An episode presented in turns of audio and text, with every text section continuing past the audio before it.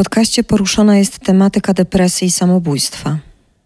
Jeśli ty lub ktoś, kogo znasz, potrzebuje pomocy, zadzwoń.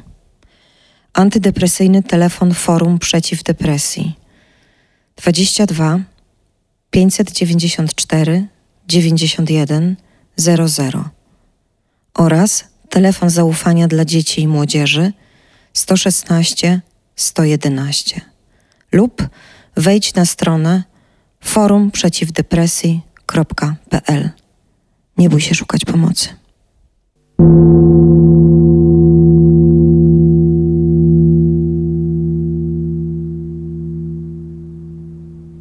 I zacznę jednak od poważniejszego tematu. Porozmawiajmy to cykl, w którym wraz z twórcami i realizatorami będę rozmawiać na tematy około spektaklowe. Ten odcinek został zrealizowany jako pierwszy, nagrywany był tuż przed premierą spóźnionych odwiedzin w reżyserii Iwony Kępy, czyli w styczniu 2021 roku. Zapowiedź również. Zapowiedź, gdzie Dominika Bednarczyk podaje dane m.in. telefonu zaufania dla dzieci i młodzieży, które ostatnio był zagrożone przez zabranie dofinansowania. Zdecydowałam się nie edytować tego nagrania. Mimo mijającego czasu, niestety problemy tam poruszane są nadal aktualne. Rocznie ponad 1200 młodych ludzi próbuje odebrać sobie życie. Psychiatria dziecięca nadal nie jest priorytetem ani nawet podstawą w niektórych województwach. Nie jest lepiej. Spóźnione odwiedziny gramy już rok, a ja mam poczucie, że to spektakl, który realnie coś zmienia. Wracając do doświadczeń rozmów z widzami po spektaklach, do sytuacji, które nas spotykały, do ludzi, którzy otwarcie mówili nam: Nie rozumiałam, nie wiedziałam, teraz zaczynam dostrzegać i myśleć inaczej. Zapraszam więc zarówno na spektakl, jak i na posłuchanie o nim. Ja nazywam się Oliwia Kuc, a to pod sceną podcast.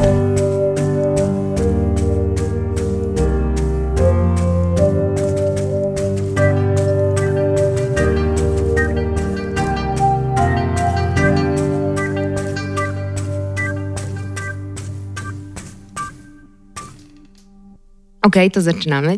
E, siedzimy właśnie tak naprawdę na scenie w domu Machin e, wraz z obsadą i e, reżyserką spektaklu Spóźnione odwiedziny Iwoną Kępą. I chyba sobie dzisiaj trochę pogadamy na temat tego, co w tej pracy udało nam się poeksplorować, jakich tematów udało nam się dotknąć i co jeszcze chcielibyśmy na ten temat powiedzieć. Iwono, może zaczniesz? No to może wrócę do, do początku roboty, jak to się zaczęło? Może to będzie jakiś e, pretekst do dalszej rozmowy? Tak, tak, wydaje mi się, że to super trop. Yy, przeczytałam sztukę Tanahila chyba ponad rok temu. Zainteresował mnie nią dyrektor Krzysztof Głuchowski, przysłał mi ten tekst. Niczego nie wiedziałam o Tanahilu wcześniej niczego nie czytałam, nie oglądałam jego filmów, które publikuje na, mm, w internecie, zdjęć na Instagramie, bo jest on bardzo aktywną osobą w internecie, o czym dowiedziałam się później. Najpierw przeczytałam sztukę i pomyślałam sobie, hmm, bardzo konwencjonalna struktura dramaturgiczna, taka przypominająca Kto się boi Virginia Woolf Olbiego, albo Boga mordu Jasminy Rezy, to znaczy wykorzystany jest taki konwencjonalny motyw dramaturgiczny spotkania dwóch rodzin, pary, dwóch par małżeńskich, które spotykają się z powodu konfliktu swoich dzieci. Tyle tylko, że ten konflikt u Tanahila jest y, oparty czy zakorzeniony w rzeczywistości. I to jest to, co mnie najbardziej w tym tekście zabolało i dotknęło. To znaczy, jak przeczytałam tekst, tak naprawdę zainteresowałam się bardziej osobą autora, a nie samym tekstem i zaczęłam się interesować tym, dlaczego on to napisał. No i tu się pojawiło coś, co mnie bardzo zainteresowało i tak naprawdę zadecydowało o tym, że, żeby się za to zabrać. Bo okazało się, że, ta, y, że to była pierwsza pełnospektaklowa sztuka Tanahila. Napisał ją w 2013 roku.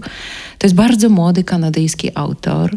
W tej chwili już y, sławny, znany, nagradzany, uwielbiany w Kanadzie, ale wtedy był chyba nieznany i początkujący. I napisał tą sztukę w reakcji na wydarzenia, e, autentyczne wydarzenia w przestrzeni politycznej właściwie Kanady. Otóż rok wcześniej mm, syn prominentnego kanadyjskiego polityka, konserwatysty, nastoletni syn, piętnastoletni chyba wówczas, popełnił samobójstwo w wyniku, mm, no, głównie tak jak donosiły media, rówieśniczego hejtu. To znaczy, był jedną z nielicznych osób w swojej szkole, a być może jedyną, bo, bo później czytaliśmy jego bloga i czytaliśmy jego wpisy, które ciągle można znaleźć w internecie. I pisał o tym, że otwarcie mówił o swojej orientacji seksualnej, przyznawał się do swojego homoseksualizmu i pisał o tym, że był jedynym gejem w szkole. I z tego powodu spotkał go prześladowanie, wykluczenie, dręczenie. E, pisał o tym mm, w internecie, pisał w, na Facebooku. Mm, no i, i, i skończyło się to samobójstwem. Po tym tragicznym akcie, jak się okazało, wybuchła w Kanadzie właściwie afera y, polityczna. Znaczy, nie wiem, czy afera, no w każdym razie miało to jakieś konsekwencje polityczne. Otóż członkowie partii, do której należał ojciec e, ofiary, nakręcili wideo, ono jest również do obejrzenia jeszcze w internecie, taki krótki filmik wspierający młodych ludzi doświadczających homofobii, wyklu wykluczenia, hejtu rówieśniczego, czy też w ogóle w przestrzeni e, publicznej, społecznej. E, bardzo znani politycy kanadyjscy wystąpili przed kamerami z takim głosem wsparcia dla wszystkich młodych ludzi. Mm, I ten film, publikowany chyba również we wszystkich mediach kanadyjskich, nie tylko w internecie, ale również w telewizji, był odebrany z kolei przez opozycję jako zagrywka polityczna.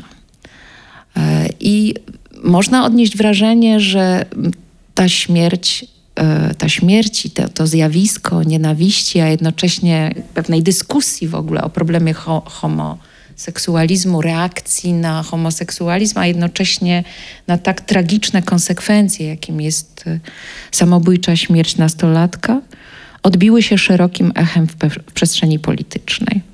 No i, i, i, i na to wszystko reaguje Tana Hill, sam będąc osobą homoseksualną, otwarcie przyznając się do swojej orientacji, pisze sztukę na ten temat. I sztuka cieszy się ogromną popularnością, nie tylko w Kanadzie. No i w ten sposób dociera również do mnie. ja spotykam się tuż przed wybuchem pandemii y, z agentem Tanahila w Krakowie. E, proszę go o możliwość dokonania zmian w tekście, dlatego że Tana Hill napisał taką krótką notatkę, e, że w zależności od okoliczności społecznych czy, czy też e, geograficznych, zgadza się na to, żeby reżyser wprowadził pewne zmiany w tekście. No więc ja te zmiany uzgadniam z agentem Tana Hilla. Pytam go również o e, możliwość bardzo istotnego zabiegu dramaturgicznego, to znaczy wprowadzenia na scenę dodatkowej postaci, e, bo w tekście Tanahila są dwa małżeństwa i e, chłopak, który dręczył no, mm, ofiarę, no nazwijmy tak. Natomiast ja zapytałam agenta Tanahila, czy mogę wprowadzić postać tego chłopca, który popełnił samobójstwo. Usłyszałam pytanie, czy on będzie duchem, Odpowiedziałam, nie, będzie żywym aktorem. I ten wymiar teatralny, aktorski, teatralny jest dla nas w tym spektaklu bardzo istotny. Zaprosiłam do współpracy dwóch fantastycznych młodych chłopaków. E, w, w jakby reprezentuje tą, tą postać, której w oryginale nie ma. E, Oleg Gałązka, a, a chłopaka, który dręczył swojego rówieśnika, Kuba Suwiński. Olek jest studentem drugiego roku Wydziału Aktorskiego naszej Akademii Sztuk Teatralnych, a Kuba już właściwie kończy akademię, jest po spektaklu dyplomowym. No i do tego zaprosiłam fantastycznych aktorów. Z niektórymi już się wcześniej spotkaliśmy w robocie, z niektórymi spotykamy się po raz pierwszy, czyli Dominika, Natalia, Maciek i Marcin. No i od półtora miesiąca? Półtora miesiąca zajmujemy się tym tematem, tym tekstem, z nadzieją, że opowiemy coś ważnego, istotnego i może będzie to ten nasz głos jakimś wsparciem dla ludzi, którzy mają z tym problem, o czym chcemy opowiedzieć. Z mojej perspektywy też, jak ja pierwszy raz dowiedziałam się, że będę pracować przy tym projekcie, e, to pierwszą taką emocją była duża radość e, i bardzo ucieszyło mnie to, że zajmiemy się takim tematem.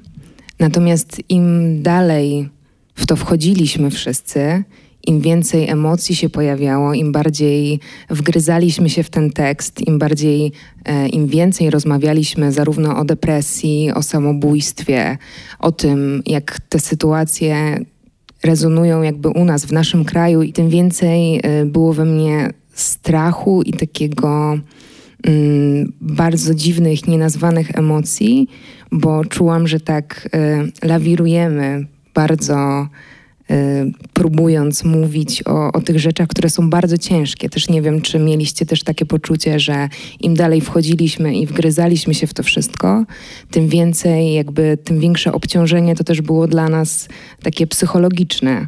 Ja zaczęłam jeszcze bardziej zwracać uwagę na pewne rzeczy, e, bardziej się przejmować, bardziej e, dotykały mnie e, wszystkie sytuacje, które też dzieją się w naszym kraju, czy sytuacja psychiatrii dziecięcej, o której mówiliśmy też na próbach. I, I, chciałam też zapytać się Was, jak czy Wy czuliście to samo? Co na ten temat myślicie? I... To może mogę ja? Marcin.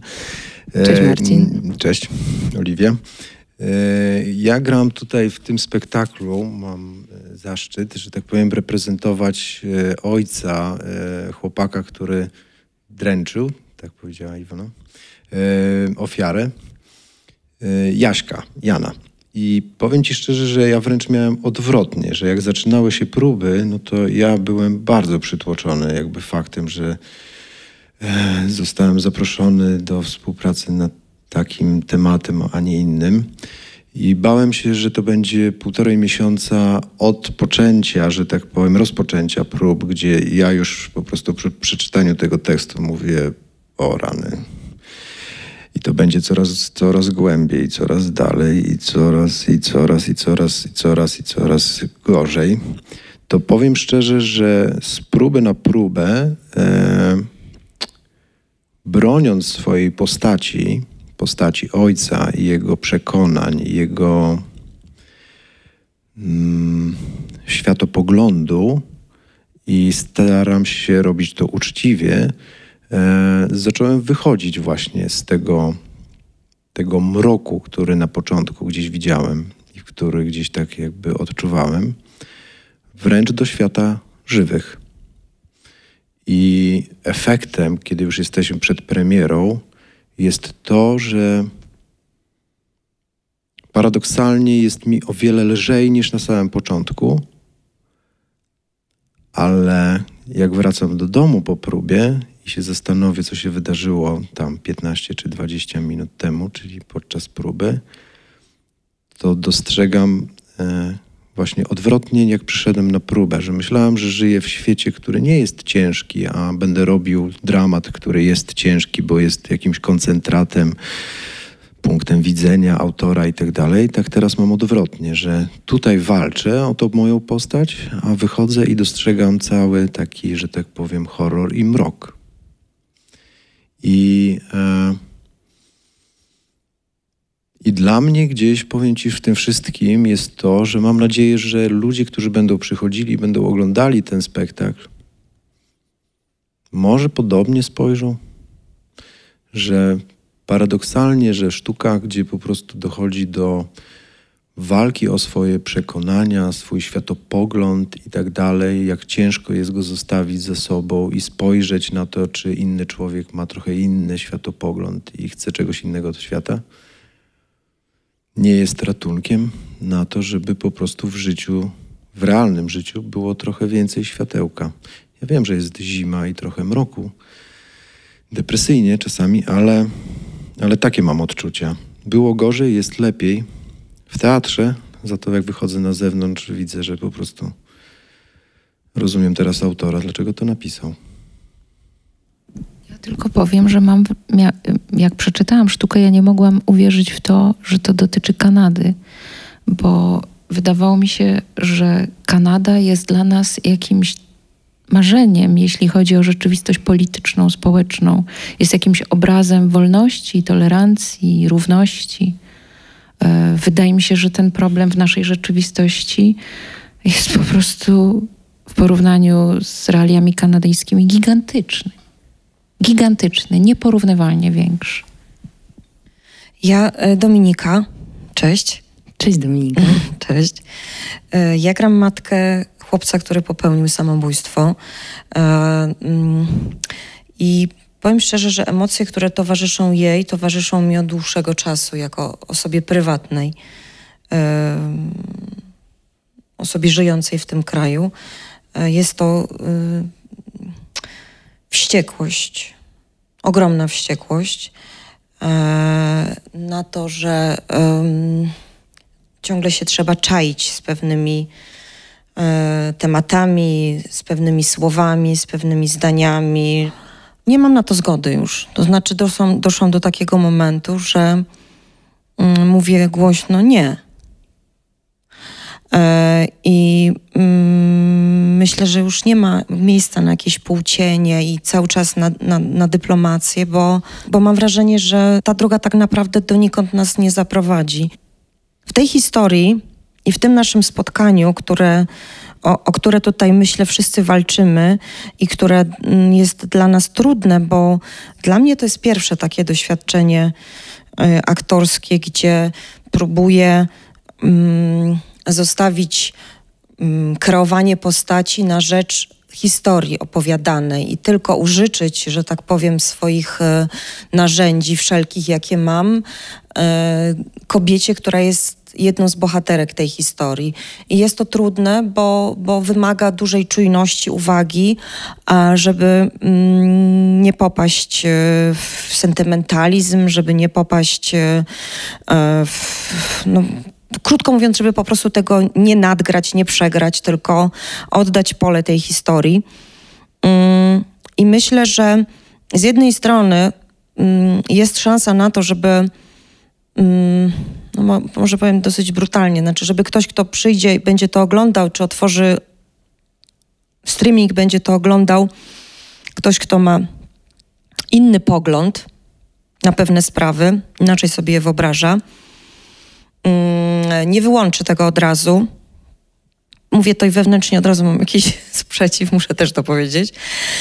Więc jest na to szansa, bo myślę, a jest szansa taka, że ten, y, nikt tutaj chyba nie jest tak y, definitywnie oceniany, to znaczy bardziej słowa definiują tutaj kogoś i po tym można zobaczyć, poznać, jaką postawę kto reprezentuje ale też co, co pewne, e, pewien bagaż historii, jaki niesiemy ze sobą, czy pewien bagaż może wychowania i wzrastania e, w bardzo konkretnej mm, kształtowanie się w bardzo konkretnych poglądach robi z danym człowiekiem, co robi z jego życiem, co robi z życiem jego dzieci i tak dalej, i tak dalej, jak to się przenosi, jak to jest e, często nie do wyeliminowania.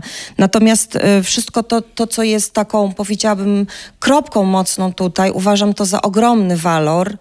Nie chcę tutaj spoilerować, ale pewne rzeczy, które bezpośrednio się odno, odniosą do sytuacji, jaka panuje w naszym kraju, wobec której mam totalny sprzeciw e, i wstydzę się jej. Myślę, że to jest słowo, które absolutnie opisuje mm, dokładnie moje odczucia. Po prostu wstydzę się. E, że y, jestem dumna, że y, właśnie te takie mocne jakieś akcenty się pojawią, bo przy, przy całej właśnie pewnej w cudzysłowie miękkości y, traktowania każdego z bohaterów i takiego właściwie oddawania im pola głównie w emocjach i słowach, to jest bardzo istotny fakt, który, który może też coś uświadomi. Taką mam nadzieję. Ja tylko chciałam dodać, że kiedy podjęłam decyzję o re realizacji przed pandemią, realizacja miała się odbyć na wiosnę 2020. Mam wrażenie, że nie tylko sytuacja pandemiczna, ale wszystko, co się w przestrzeni politycznej w naszym kraju zdarzyło od wiosny do dzisiaj, pogorszyło sprawę. To znaczy, właściwie żyjemy w rzeczywistości pod tym względem, pod względem tolerancji, poszanowania odmienności, e, ale też e, troski o najmłodszych, o najsłabszych, e, to co się dzieje wokół psychiatrii dziecięcej, czy wokół w ogóle problemu dorastania młodzieży i wychowywania młodego pokolenia, moim zdaniem to, to, sytuacja jest w gruncie rzeczy coraz trudniejsza i coraz gorsza, więc ja wszystkie wątpliwości, jakie na początku pojawiły się przy lekturze tekstu, w momencie, kiedy po pierwsze już e, przed próbami, ale też w trakcie prób, kiedy pracowaliśmy nad e, tekstem, żeby go właśnie przenieść do realiów polskich, albo może nie tyle przenieść, co uczynić bardziej uniwersalnym, żeby zniknęły realia kanadyjskie, żeby ten tekst mógł dotyczyć nas dzisiaj, tu i teraz. Kiedy to, to zrobiliśmy, to ja mam wrażenie, że ten tekst coraz silniej niestety rezonuje z coraz mroczniejszą polską rzeczywistością. Tak, ja też e, czytałam jeszcze dzisiaj, kiedy przypominałam sobie i próbowałam jakoś przygotować się do tej rozmowy, e, reportaż dla Onetu, który e, wywiad tak naprawdę opublikowany z Agnieszką Dąbrowską, która jest psychiatrą dziecięcym, która stwierdza tam, że samobójstwo właśnie wśród młodzieży to jest e, aktualnie najczęstsza przyczyna śmierci polskich dzieci, częstsza niż choroby nowotworowe i wypadki komunikacyjne. I też wydaje mi się, że mamy problem z tym, żeby mówić o zaburzeniach psychicznych w ogóle. Jest to temat tabu, a o zaburzeniach, o depresji wśród młodzieży bardziej, bo często, i to też u nas wybrzmiewa, jest to spychane na problemy związane z dorastaniem. Często nie chcemy tego widzieć, nie chcemy o tym rozmawiać albo zauważamy za późno. Po prostu. Tak, tylko już tu oddam zaraz głos kolegom, tylko myślę, że bardzo tu jest ważny ten, że to jest poruszany wątek homoseksualny. E, co, bo, bo, bo w spektaklu pojawia się taki moment, kiedy właśnie równoczesna depresja chłopca jest e, traktowana jako powód samobójstwa. W związku z tym, e, by użyć słów jednego z bohaterów, tak czy inaczej, czy byłby gejem, czy nie, nie byłby gejem, ponieważ chorował na depresję, popełnił samobójstwo. Więc tu wydaje mi się bardzo ważne jest podkreślenie, że przemoc psychiczna, fizyczna, hejt, wykluczenie, nienawiść z drugiej strony e, na tle tożsamości seksualnej, czy na jakimkolwiek innym tle w stosunku do y, dziecka, młodego człowieka, jest powodem depresji, czyli jest tą pierwotną przyczyną, która później może zaowocować depresją, ale to ta pierwotna przyczyna powoduje, że ktoś sobie podcina żyły, ktoś się wiesza, ktoś skacze z mostu. Y, bardzo ważne było dla nas spotkanie y, z Grzegorzem przypomnijcie mi, Iniewiczem, profesorem e, e, seksuologiem, prawda? I pamiętam wstrząsające dane, które podawał, że o ile samobójstwo w grupie młodych ludzi stanowi, nie wiem, około 20%, czy kilkanaście do 20% młodych ludzi do, do chyba 20 któregoś roku popełnia samobójstwo, o tyle w grupie osób o homoseksualnej orientacji, czy innych orientacjach seksualnych, transgenderowych, transseksualnych sięga 70-80%.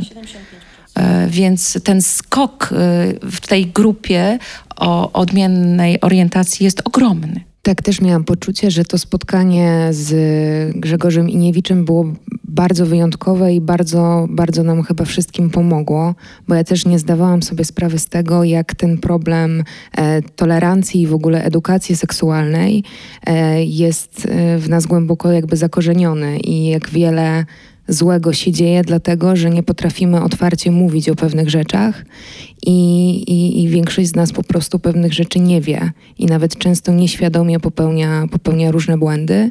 Natomiast im bardziej moglibyśmy i chcielibyśmy na te tematy rozmawiać, tym mniej złego mogłoby się dziać. Przynajmniej ja mam takie poczucie, nie wiem, co wy myślicie. Natalia. No z tej rozmowy chyba jasno wynikało, że e, jakby pokolenie rodziców jest kompletnie e, bezradne, ponieważ nie ma żadnej wiedzy, żadnej edukacji. Część osób e, dalej tkwi w przekonaniu, że to jest choroba, którą można leczyć.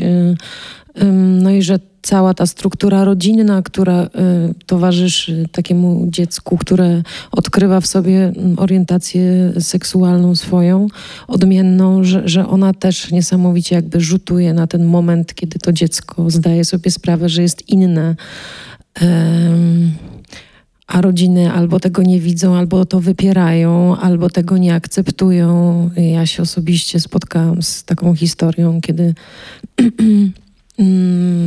chłopiec y, mm, poinformował swoją mamę, że jest homoseksualny został natychmiast wyrzucony z domu w sposób okrutny, bezwzględny i ostateczny.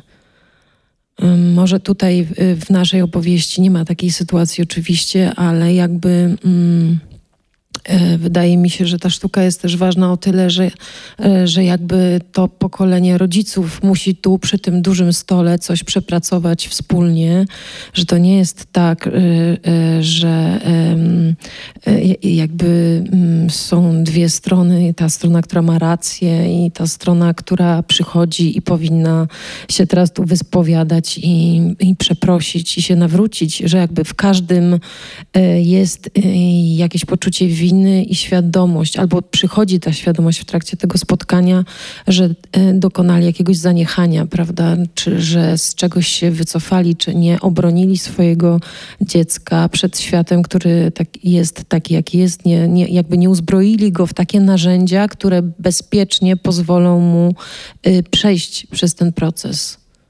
Tak, też mam e, takie wrażenie, że dużą wartością tego tekstu i tego, co my robimy, jest to, że nie ma tutaj nic, e, co jest czarne albo białe. Mamy do czynienia z takim wielokolorytem, z dużym nasyceniem jakby tego wszystkiego, więc tak naprawdę wchodząc w tę sytuację, teoretycznie od razu może nam się wydawać, że wiemy, po której stronie staniemy, natomiast im dalej, im głębiej w to wchodzimy, tym nic nie jest już takie jednoznaczne, jak na początku mogłoby się wydawać. Więc to też jest jakieś takie bardzo, bardzo ciekawe i wartościowe w tym wszystkim, żeby jednak nie dawać się e, tej pierwszej ocenie pochłonąć całkowicie, a dać szansę na spojrzenie z innej perspektywy. Tutaj to Kuba z tej strony. Ja gram chłopaka, który e, właśnie prześladował Piotrka, czyli tego geja, chłopaka geja, który popełnił samobójstwo. I właśnie uważam, że moja postać przechodzi tą przemianę, że na początku e, on go w szkole nie to, że nie lubił, powiem mocniej, nienawidził, ale w trakcie tego spotkania, w trakcie tego spektaklu on zaczyna rozumieć, że go nie znał, że nie, nie wiedział, kim tak naprawdę jest i, i z czym on sobie musiał radzić na co dzień. Y, jak ja personalnie, osobiście dostałem ten cały scenariusz go przeczytałem, dostałem rolę właśnie Kuby. Miałem flashback do mojej przeszłości, do mojego dojrzewania. Mm, jestem z mojej miejscowości na północy Polski, 8 tysięcy mieszkańców. I w takich małych miejscowościach e, uświadamianie o właśnie problemie homoseksualnym tak naprawdę go nie ma. Mm. Mówię to po to, bo ja sam dopiero wyjeżdżając do Krakowa uświadomiłem sobie, znaczy poznałem ludzi właśnie z otoczenia LGBT. Mam teraz przyjaciół, pracuję z nimi, uwielbiam ich, mieszkam z nimi. Mm. Jestem dumny i szczęśliwy, że mogę brać udział właśnie w takim spektaklu, który będzie pokazywał i uświadamiał, mam nadzieję, Tylko też chciałbym, żeby ten spektakl dotarł właśnie nie tylko do miast, tylko na, na obrzeża, wszędzie, żeby ludzie naprawdę mogli zobaczyć i się mm, dowiedzieć. Ja też bym bardzo, bardzo chciała, bo mam wrażenie, że czasami w świecie teatralnym żyjemy w takiej zamkniętej bajce, bańce prawda? Znaczy robimy spektakle dla ludzi, którzy je zawsze oglądają, bo potem piszą o nich recenzje. Ten nasz świat teatralny jest bardzo hermetyczny i czasami udaje się z jakimś spektaklem dotrzeć do takiej naprawdę szerokiej publiczności, która jak się okazuje, poruszenia pewnych tematów bardzo, bardzo potrzebuje. I y, powiem, że y, ja bardzo szanuję w teatrze dobrze pojętą funkcję edukacyjną.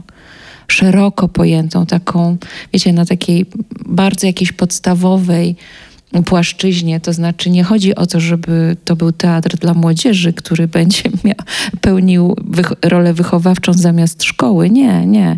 To chodzi tak naprawdę o zmianę perspektywy nas wszystkich, dorosłych również. I, i gdyby była taka możliwość, nie wiem, może dzięki streamingowi tak się może stać, że spektakle będą oglądane przez osoby, które nigdy do teatru nie chodzą, albo w ogóle nie przyszłoby im do głowy, żeby gdzieś pojechać do teatru i coś obejrzeć. Może my pojedziemy do jakichś miasteczek. Ja mam taką nadzieję że moglibyśmy sobie założyć taki scenariusz, że. Kiedyś telewizja pełniła funkcję misyjną, już dawno jej nie robi, to znaczy teraz ma inną misję do y, zrealizowania, więc może my bierzemy to na swoje bary. To też pozwala, y, ja, ja mam takie y, głębokie jakieś przekonanie i to mnie pcha do przodu, że, e, że, że to jest jakby jedyna rzecz naprawdę, którą mogę zrobić. No jakiś taki mały, mały, małą cegiełkę, mały kamyczek w tej beznadziejnej, naprawdę trudnej, rozpaczliwej sytuacji um, mogę, mogę tam dołożyć. Przy mikrofonie Oleg Gałązka. Dzień dobry. I jedyne, co jeszcze pomyślałem, że można, można dodać, to tak, yy, tak jak aktualnie teraz... Yy, w aktualnym stanie świata, w tym kraju na przykład, bardzo mocno jest nazwany wróg, e, którym trzeba się zajmować aktualnie, ale trzeba sobie zadać pytanie, y, przypomnieć, co było 10 lat temu i zadać sobie pytanie, co będzie za kolejne 10 lat. Ponieważ odkwiliśmy trochę w takim chyba mm, po, po, porypanym systemie y, wartości, że ja jako też ten chłopak, który cały czas się y, na tej scenie, przy tym stole gdzieś przeplata i obserwuje ludzi, to nie ma już trochę tak, y, że, że przy stole siedzą ci dobrzy i ci źli, tylko przy stole siedzą wszyscy wkurzeni, y, wszyscy, wszyscy o danych wartości, wartościach, o danych poglądach i o danych przekonaniach, gdzie w ogóle wypaczana jest z, z głowy idea myślenia tego drugiego, nie?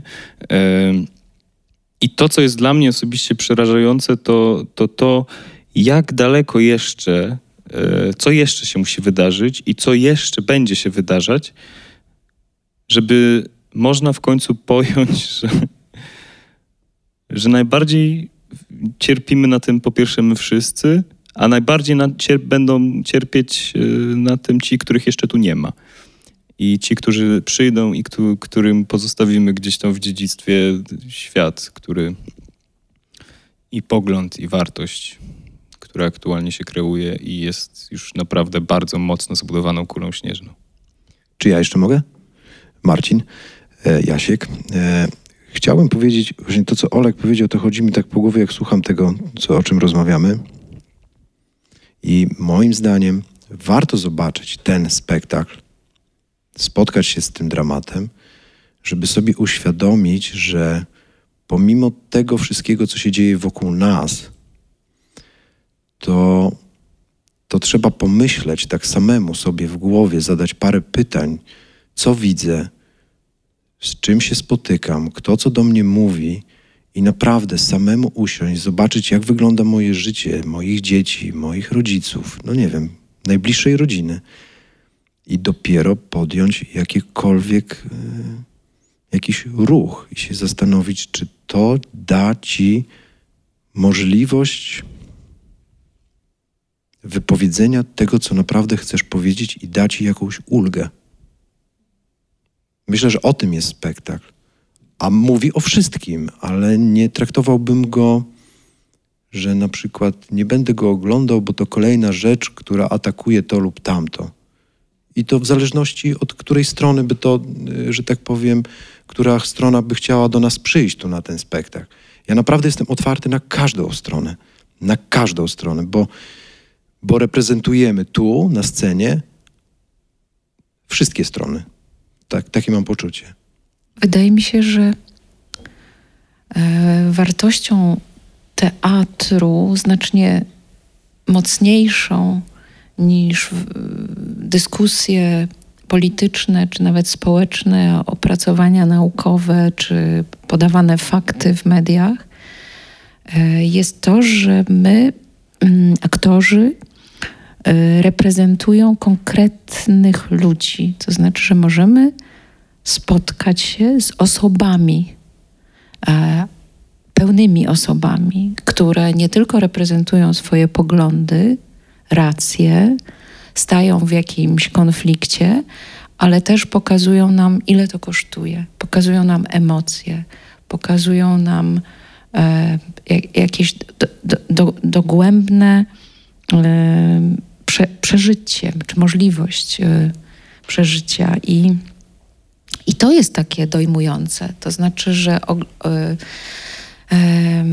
to, co powiedział Oleg, że tak naprawdę chodzi, co mówi Marcin, że chodzi o możliwość stanięcia w oko w oko z drugim człowiekiem, który jest od nas inny, odmienny, inaczej myśli, inaczej czuje, reprezentuje być może inny świat, ale to jest żywy człowiek ze swoimi uczuciami, e, ze swoim bólem, ze swoim cierpieniem, ze swoimi łzami. E, no, chyba, ch chyba tego szukamy. To znaczy, żeby w tym spotkaniu oprócz reprezentowania racji, poglądów e, i walki o zachowanie własnego czystego sumienia, czyli e, rozprawienia się z poczuciem winy, żeby tak naprawdę zobaczyć człowieka i różnice między ludźmi i żeby je zaakceptować. Znaczy, żeby zmienić perspektywę na moment pomyśleć w innych kategoriach, ale jednocześnie jakby zobaczyć koszty e, takiej walki, w której nie widzi się innej perspektywy, nie dopuszcza się jej e, do, do własnego oglądu świata. To są po prostu ludzie. Bo pamiętacie, mówiliśmy o tym porównaniu, to było dla mnie jakieś bardzo dojmujące. Nie pamiętam na której próbie, nie pamiętam kto to powiedział. O Bożym Narodzeniu w okopach I wojny światowej. Kto to powie? No, pan Grzegorz o tym powiedział, prawda? Kiedy nagle e, na Boże Narodzenie nastąpiło zawieszenie broni w I wojnie światowej i z jednych okopów wyszli żołnierze, Francuzi i Niemcy spędzili i grali w piłkę i spędzili razem święta. I, i, i to jakby, zas, jakby wychodzenie z okopów i stanięcie twarzą w twarz z drugim człowiekiem, to wydaje mi się, że to możemy w tej przestrzeni teatralnej zrobić. Tego się nie da zrobić e, w, w jakichś mediach i i w dyskusjach politycznych. E, przed nami jeszcze niecały tydzień prób, tak naprawdę pięć dni. No i jedyne co, no to możemy chyba zaprosić Państwa na to spotkanie i żeby nas Państwo odwiedzili. Nie na żywo, ale w streamie 29 stycznia o 19. No i do usłyszenia.